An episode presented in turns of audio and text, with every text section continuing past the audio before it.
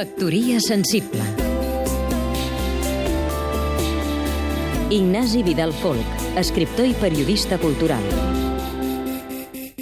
Martí Manent i David Armengol són els comissaris d'una iniciativa que jo diria que és molt oportuna en el Centre de Creació, ara explicaré perquè crec que és oportuna, en el Centre de Creació d'Art Contemporani a Fàbric Cots, a l'antiga fàbrica del barri Sant Andreu.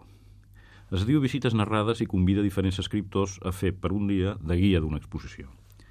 Un d'aquests escriptors convidats vaig ser jo mateix la setmana passada, i tenia sentit no perquè jo sigui un savi en aquesta matèria ni en cap altra, sinó perquè efectivament fa uns anys vaig escriure La cabeza de plàstico, que és una novel·la ambientada precisament al món de l'art contemporani.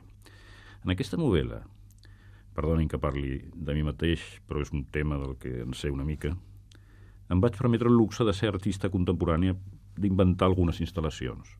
Lo sorprenent per a mi va ser comprovar, passats els anys, que artistes reals realitzaven, portaven a la realitat aquestes instal·lacions que jo m'havia imaginat i que jo havia descrit. Com que estic segur que no havien llegit la meva novel·la, només hi ha una explicació possible.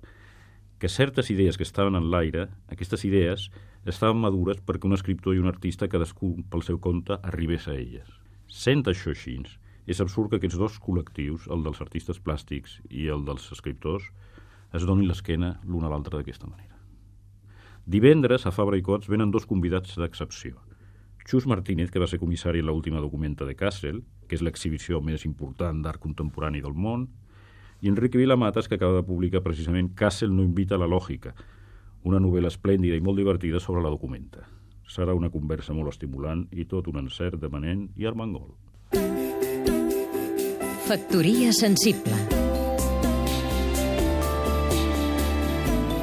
Seguim-nos també a catradio.cat